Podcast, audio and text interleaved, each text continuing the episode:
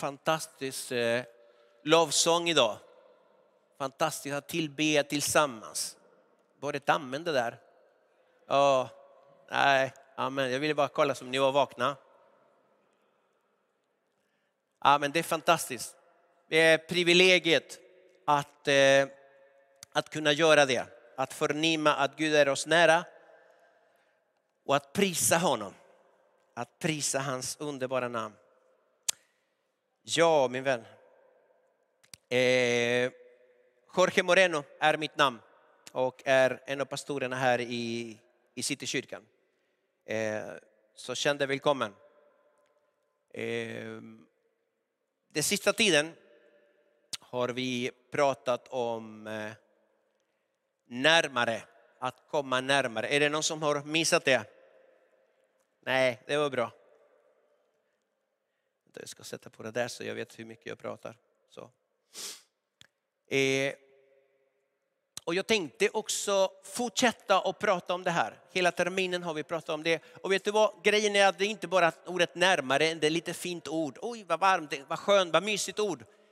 Jag tror att det är Gud som kallar oss närmare. Gud kallar sitt folk att komma närmare honom. Och det är alltid en inbjudan från hans sida till oss, till var och en av oss. Och när man blir medveten om detta, att det är Gud som kallar oss. Då kommer vi närmare vårt syfte. Vi kommer närmare vår kallelse. Och det är lite grann det jag tänker prata om idag. Att komma närmare min kallelse, din kallelse, vår kallelse. För att det är alltid han som kallar. Det är alltid han som tar initiativet och kallar på människan. Han kallar oss först och främst att komma närmare honom, att komma närmare hans person, att komma och vara inför hans ansikte. Att leva i hans närvaro. Han kallar oss till en närmare relation. Till att vara nära honom, att interagera med honom. Att få höra hans röst. Att kunna urskilja min herdes ljuva toner och dess nyanser. Att komma så nära så jag kan förnimma hans andedräkt när han talar. Och sen att komma närmare mitt syfte, att komma, närmare den plan Gud har för var och en av oss. Gud kallar till tjänst.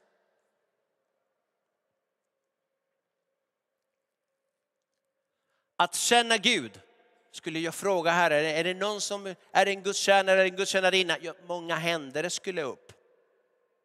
Men låt oss prata lite mer om vad är det Gud menar med detta. Att känna Gud kommer alltid att handla om en sak. Det är att bekänna andra. Först och främst, inte in i kyrkan. Först och främst sin egen familj. Vår främsta kallelse när vi handlar om att känna Gud det är att bekänna våra närmaste. För att veta om jag är en bra gudstjänare eller inte, du ska fråga mig inte i kyrkan för här inne är vi alla heliga. Alla vi här inne, vi odlar vingar nästan.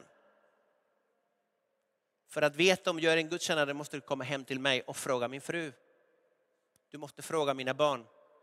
Du måste fråga mina barnbarn. Det är där vi är vår främsta kallelse. Våra, försam, våra församlingar är inte, vår, vår, vår främsta församling är vår familj. Våra närmaste. Det är de som kan vittna om att Jesus lever i mig och att han använder mig. Att känna Gud kommer alltid att handla om att bekänna andra människor. om det är barn eller tonåringar, unga vuxna eller tunga vuxna, familjer, män, kvinnor, äldre, nya i tron, utsatta människor etc. Det kommer alltid att handla om att hjälpa andra människor. Igår till exempel, vi hade här en, en församlingsdag. Var det här några som var här igår? Det var en fantastisk, fantastisk dag där vi fick en, en gedigen rapport över vår ekonomi. Det finns människor som sköter det här och det gör de galant. Så tusen tack till eh, Tina Segonius, eh, Albert, Lennart, Robert, hela styrelsen. Tack för att ni, ni gör ett fantastiskt, fantastiskt jobb. Och tack för alla som tog hand om fikat efter, efter det och sen som levererade fantastiska korvar. Eh, vi behövde inte grilla ut utan vi, vi hade så mysigt, en sån, sån fin dag tillsammans. Kan vi inte ge er en varm applåd? För det gjorde vi inte igår. Men Rut, Greta, David, Judit, jag såg Judit springa och städa som en galning.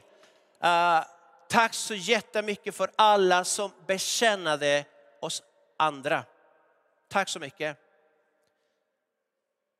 Så att bekänna familjen, att bekänna andra, men också att vara till välsignelse för en arbetsplats, för en skolklass, en klass, för en, ett grannskap, för en stad. Gud har satt oss i ett sammanhang för att vara till välsignelse just där. Gud kallar till tjänst. Och Gud vill använda dig och mig som redskap för att hans gudomliga och perfekta vilja ska ske där. Sen är det upp till var och en av oss hur vi förhåller oss till just den kallelsen. Och jag har tittat lite grann i Bibeln och ser svaret från olika människor till hur Gud kallar. Och en del av dem sa inte amen utan de sa amen.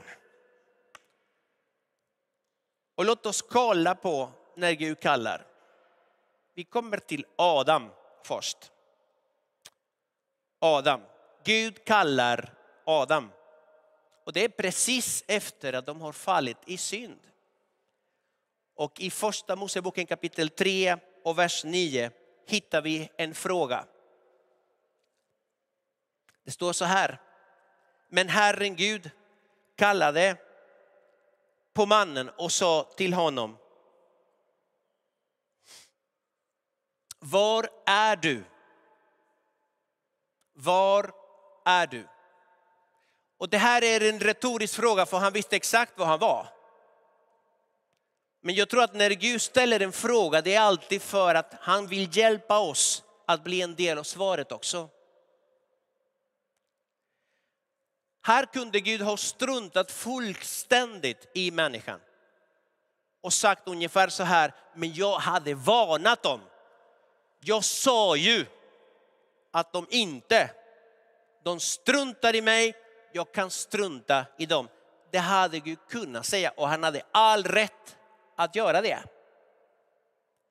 Men nej, han gjorde inte det. Varför? För att Gud älskar människan och han älskar dig och mig på ett obegränsat sätt. Det står i Jeremia 33, 31, 3 så här. Med evig kärlek har jag älskat dig. Därför låter jag min nåd bli kvar över dig.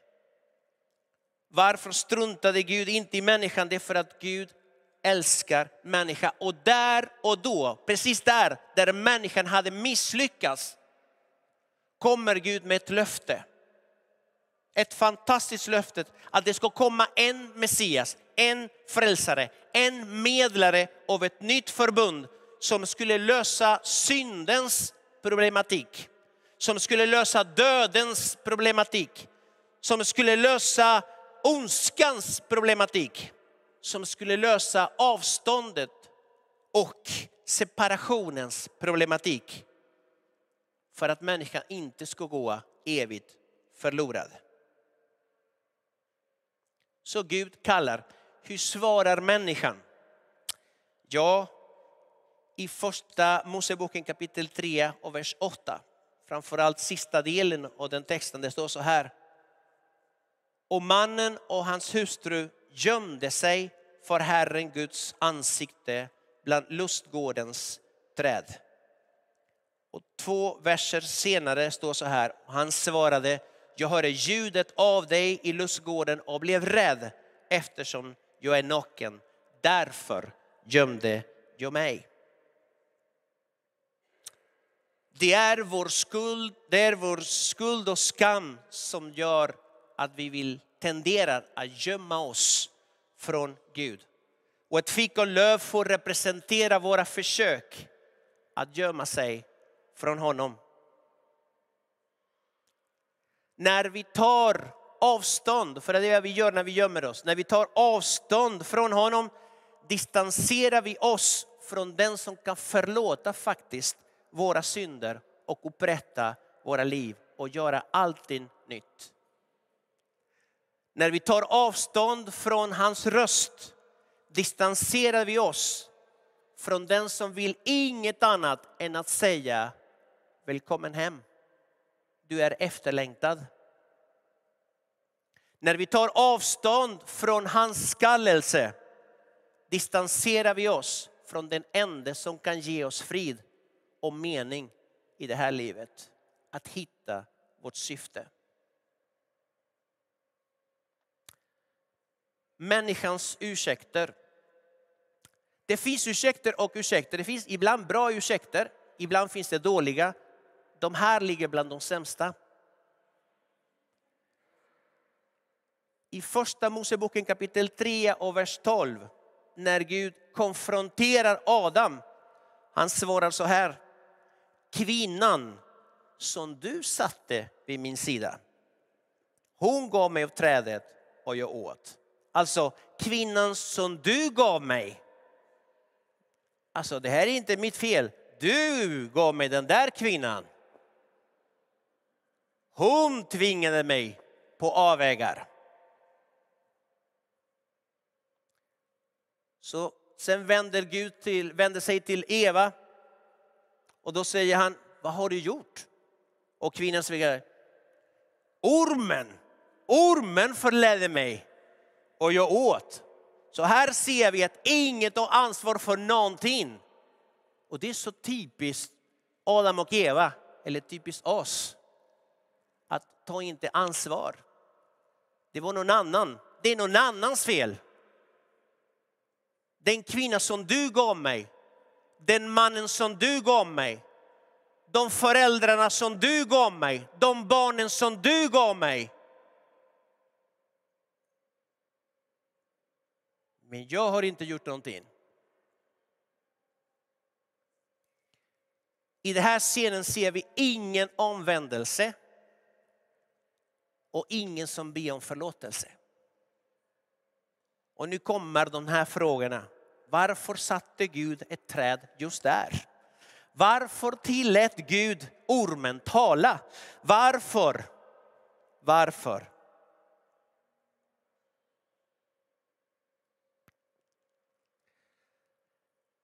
Svaret eller gensvaret från människan till Guds kallelse måste vara i relation till det Gud erbjöd. Gud hade kallat dem till en nära relation med alltings skapare.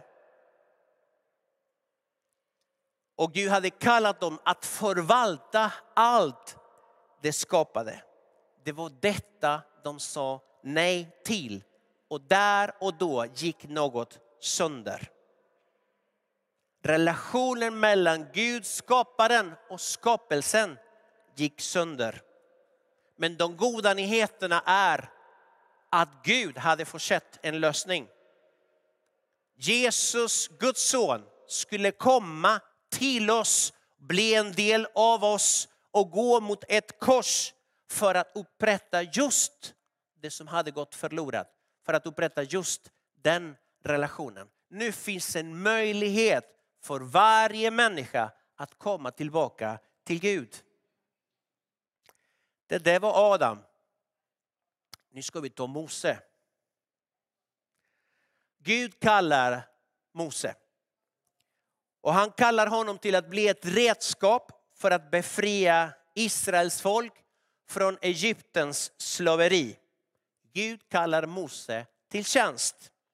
I andra Moseboken kapitel 3 och vers 9 till 10. Det står så här. Nu har ropet från Israels barn kommit upp till mig och jag har sett hur egyptierna förtrycker dem. Så gå nu, jag ska sända dig till farao och du ska föra mitt folk, Israels barn, ut ur Egypten. Och nu kommer Mose att gensvara också till Gud. Och här har vi hittat en lista med ursäkter. Så vi kanske kan känna oss igen i några. Den första hittar vi i andra Moseboken kapitel 3 och vers 11. Kommer du ihåg vad Gud sa? Gå. Ja. Men det står i vers 11 i kapitel 3. Men. Men. Det kommer finnas flera men. Men Mose sa till Gud, vem är jag? Att jag skulle gå till farao och föra Israels barn ut ur Egypten. Vem är jag? Jag är inte rätt person. Är det någon som känner igen sig? Du, du får inte räcka upp handen. Men det här, Gud kallar, nej, nej, vem är jag? Inte, inte jag. Det var det första svaret. Men Mose sa. Gud sa, du är, gå. Men eh, jag är inte rätt person. Det andra ursäkten, det hittar det andra männet, det hittar vi i andra Moseboken kapitel 4 och vers 1. Där det står så här. Mose svarade, men om inte de tror mig och inte lyssnar på mina ord utan säger Herren har inte uppenbarat sig för dig. Det han gör är att han ifrågasätter sin kallelse. Jag vet inte om du har gjort det någon gång. Att ifrågasätta den rösten. Det kanske var inte Gud som sa det. När Gud säger gå, no, kanske det var någon annan som sa det, men inte Gud. Bibeln säger att vi ska inte förakta andra. Ingen ska förakta dig för att du är för ung, eller för gammal, eller för ny, eller för mycket. Inte vet jag. Men förakta att ingen ska bli föraktad. Men framförallt förakta inte dig själv. Förakta inte dig själv. Eh, förakta aldrig Guds förmåga att göra vad som helst med vem som helst. Gud ville använda sig av Mose. Tredje männet. Andra Moseboken 4 och 10. Då sa Mose till Herren, men Herre, jag är ingen ordets man, varken för eller nu när du talat till din tjänare. Jag är trög i talet och har en trög tunga. Alltså, jag kan inte. Jag har inte det som behövs. Jag ser att flera gör så här att så fort Gud bara kallar på oss, det första vi gör är att titta på våra brister. Jag kan inte, jag kan inte, jag kan inte, jag kan inte, jag kan inte. Ursäkta, jag ska säga det här, men det visste Gud redan innan han kallade dig. Han visste det. Så han, gör, han kallar oss inte för att vi är duktiga. Han kallar oss trots att vi är de vi är. Så trots att du inte är duktig på det och det och det, han kallar dig till tjänst. Och det sista männet, det hittar vi i andra Moseboken 4 och 13. Det står, men Mose sa, Herre, jag ber dig, sänd ditt budskap med vilken annan du vill. det är när vi kommer till Gud och säger, men Gud det finns andra som är mycket bättre än jag. Mose, vi får inte glömma, Mose är en misslyckad man. Mose känner sig inte värdig uppdraget. Mose är 80 år. Han trodde att han hade fått en, en, en kallelse från Gud när han var 40. När han var stark och när han var i sina bästa år. Alfred, det är dina år. Oh, oh. När man är som bäst, man känner, oh, ah, nu! Och boom, han misslyckas kapitalt. Och 40 år senare kommer Gud tillbaka. Mose är inte längre en kaxig jag kan, utan han är en bruten man som gömmer sig i öknen bland midjaniterna. Nu kommer Gud. Mose, gå till farao, jag ska befria mitt folk. Petrus. Ska vi kolla bara. Ja. Petrus i Nya Testamentet. Jesus kommer till honom och säger följ mig. Och när han gör det byter hans namn. Det är också en sån där rolig grej. Hej, vad heter du? Simon? Nej, Petrus skulle det vara. Jaha, följ mig. Jag ska göra till människofiskare. Okej. Okay. Johannes 1 och 42. Och han, det är Andreas, alltså det är Petrus bror. Och han förde honom till Jesus. Jesus såg på honom och sa, du är Simon, Johannes son. Du ska heta Kefas. Det betyder Petrus. Det här är det första Simon får höra från, från Jesus. Du, ska, du får ett, ett nytt namn. Det intressanta är reaktionen från eh, Petrus som skiljer sig lite grann från de som vi har tittat tidigare. Matteus 4, 19-20. Matteus 4, 19-20. Det står så här. Och han sa till dem, kom och följ mig. Det var Petrus och Andreas. Kom och följ mig så ska jag göra er till människofiskare. Genast lämnade de nätten och följde honom. Om man läser lite grann i evangelierna vet vi en sak, det är att Simon kommer att misslyckas. Simon, han som säger och bekände att Jesus är Messias, den levande Gudens son. Han som lovade att ge sitt liv för sin mästare. När Jesus behövde honom som mest kommer han att säga, jag vet inte vem han är. Jag känner inte den mannen. Jag vet inte vad ni pratar om.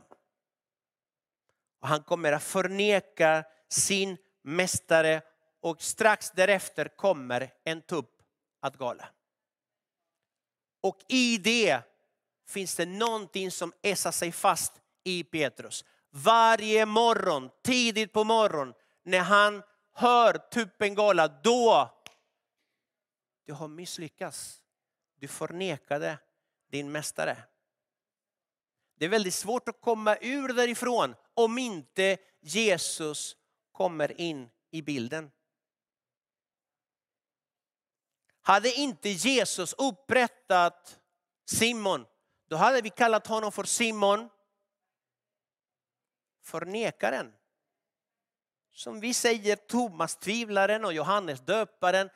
Simon förnekaren. Så hade det blivit hans namn. Men idag kallar vi honom för Simon Petrus. Så han går in i historien som Simon Petrus och inte som Simon förnekaren. Och det är tack vare en promenad. Det sker en promenad när Jesus är uppstånden där han vill gå tillsammans med Simon.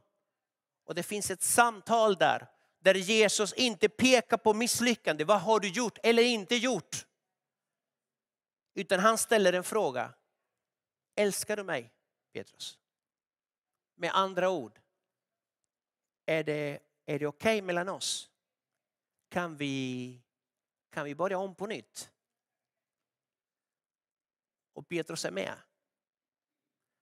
Jag tror, för att det här skedde tidigt på morgonen, att associationen från Petrus kommer att förändras. För dagen efter, när en typ, en typ gal, då blir det förändring i hur man associerar. Då är det inte längre jag som har misslyckats utan det är jag som har blivit upprättad. Det är jag som har blivit kallad på nytt. Och jag tror att Gud vill göra samma sak med dig, för jag tror att det här budskapet är till några som Gud kallar tillbaka. Det finns en, en ny kallelse från Gud, inte en ny kallelse, en upprepning som Gud säger, jag kallar dig på nytt.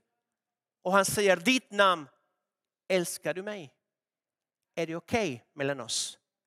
Kan vi börja om på nytt? Han är den som kan upprätta dig. Inte bara upprätta din kallelse, han kan upprätta dig som människan.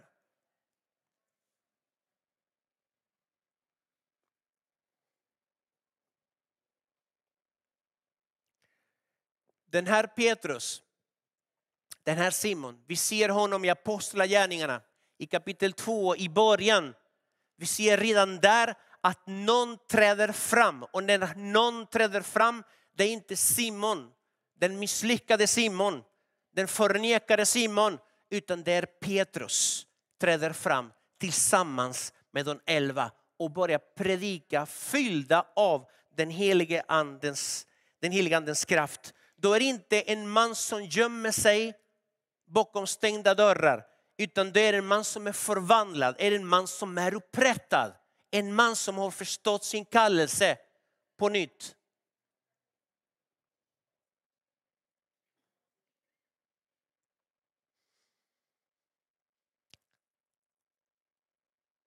Och pratar vi om kallelse måste vi prata också om Jesus.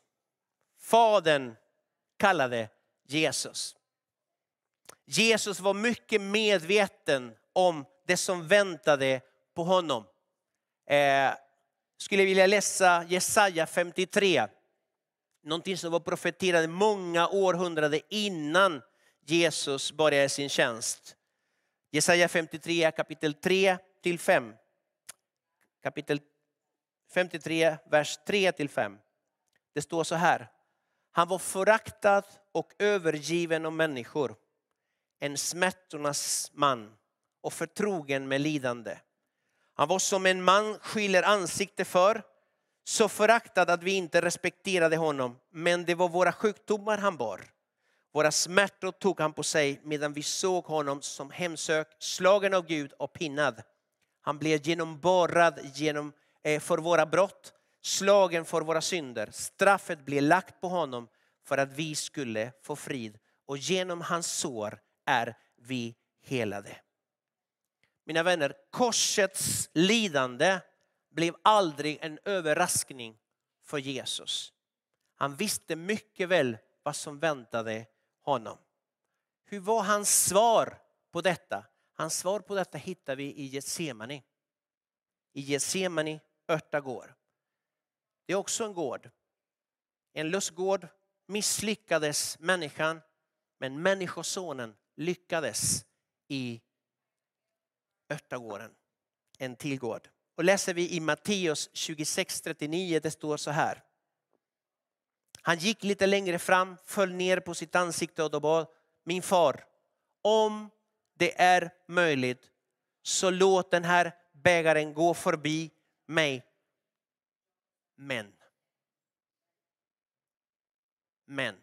I det här männet finns ingen ursäkt. I det här männet finns inte jag gömmer mig. I det här männet finns ingen flykt. I det här männen finns något annat. Men inte som jag vill. Utan som du vill. Han som är hundra procent människan konfronteras med det som kommer. Och hans svar är om det är möjligt låt det här gå förbi. Men inte som jag vill, utan som du vill. Det är inte korset som skrämmer Jesus, utan tyngden på det som väntar. Han som är kungars kung, han kommer att tvingas bära en krona. Och det är inte en guldkrona, inte en törnekrona. Och på den kommer all vår förbannelse, all vår förnedring, alla våra misslyckanden, all vår sjukdom, all vår död, all vår depression, all vår mörker läggas på honom. Människan kommer att spika fast sin frälsare på ett kors. Och Jesus visar oss återigen vägen. Total kapitulation. Jag ger upp min Gud. Jag ger upp. Låt din vilja ske. Så som i himlen, så på jorden. Hans död blev oss till liv. Hans kapitulation blev vår räddning och vår frälsning. Herren, han kallar dig och mig. Eh, och vi kan sammanfatta hans kallelse, hans inbjudan, hans kom närmare med någonting som han säger alltid. Och det är följ mig. Det, det här hittar vi genom hela, hela, hela Bibeln, genom evangelierna. Följ mig, kort och gott. Följ mig. Så sa han till alla sina lärjungar. Och i den kallelsen hittar vi tre riktningar. Genom att följa Jesus och vandra med honom kommer vi närmare vår mästare. Genom att följa Jesus tillsammans kommer vi närmare varandra. Genom att följa Jesus kommer han alltid att leda oss närmare andra, till de som behöver honom. Så låt oss alltid ha vår blick fäst på Jesus. Söka hans rike först, inte för att få, utan för att ge. Att vi ska söka hans planer med var och en av oss. Och han kommer att ge oss det vi behöver för att hans vilja ska ske. Alla våra ursäkter faller pladask när Herren säger följande i Johannes 15 och 16.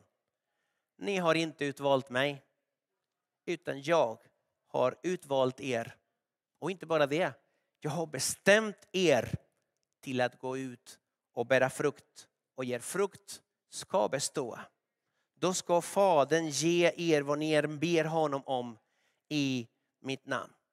Du och jag har en Gud som aldrig ger upp.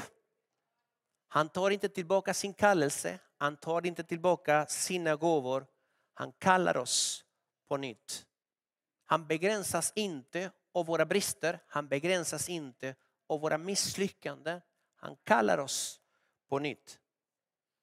Och jag tänkte att en dag som idag, jag tror att du har hört det här tidigare, att Gud har kallat dig.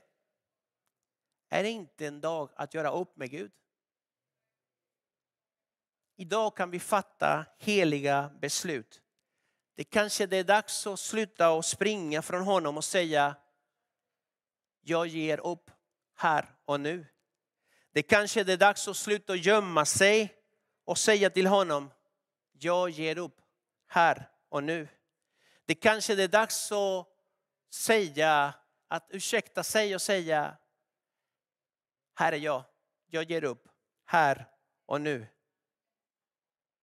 Det kanske är dags att säga, inte som jag vill, men som du vill. Idag är frälsningens dag. Idag är undrets dag. Idag är kallelsens dag. Jag tror att Gud kallar oss på nytt. Kan vi blunda en liten stund?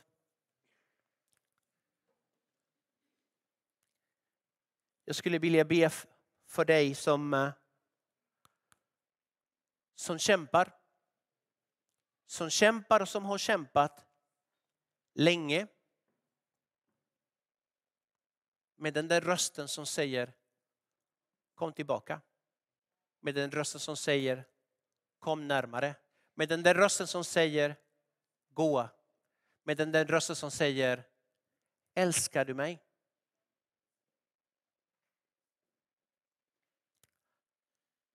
Herre Jesus, jag ber just nu för de som kämpar. För de som en gång brann för dig och för ditt rike men som idag inte gör det. Jag ber min Gud för de som, eh, som har försökt att gömma sig. För de som har försökt att fly från dig. Jag tackar dig min Gud för att vi kan inte göra det. Tack min Gud för att det är inte vi som har utvalt dig utan det är du som har utvalt oss. Vi tackar dig min Gud för din tålamod och vi tackar dig min Gud för att du ger aldrig upp och du kommer tillbaka gång på gång på gång. Tack min Gud. Tack min Gud för att du kallar på nytt. Och jag ber min Gud att du hjälper oss att sakta men säkert kom närmare dig. Kom närmare vår kallelse. Kom som komma närmare min Gud, ditt hjärta. Välsigna Herren. Välsigna oss. Jag ber i Jesu underbara namn. Amen.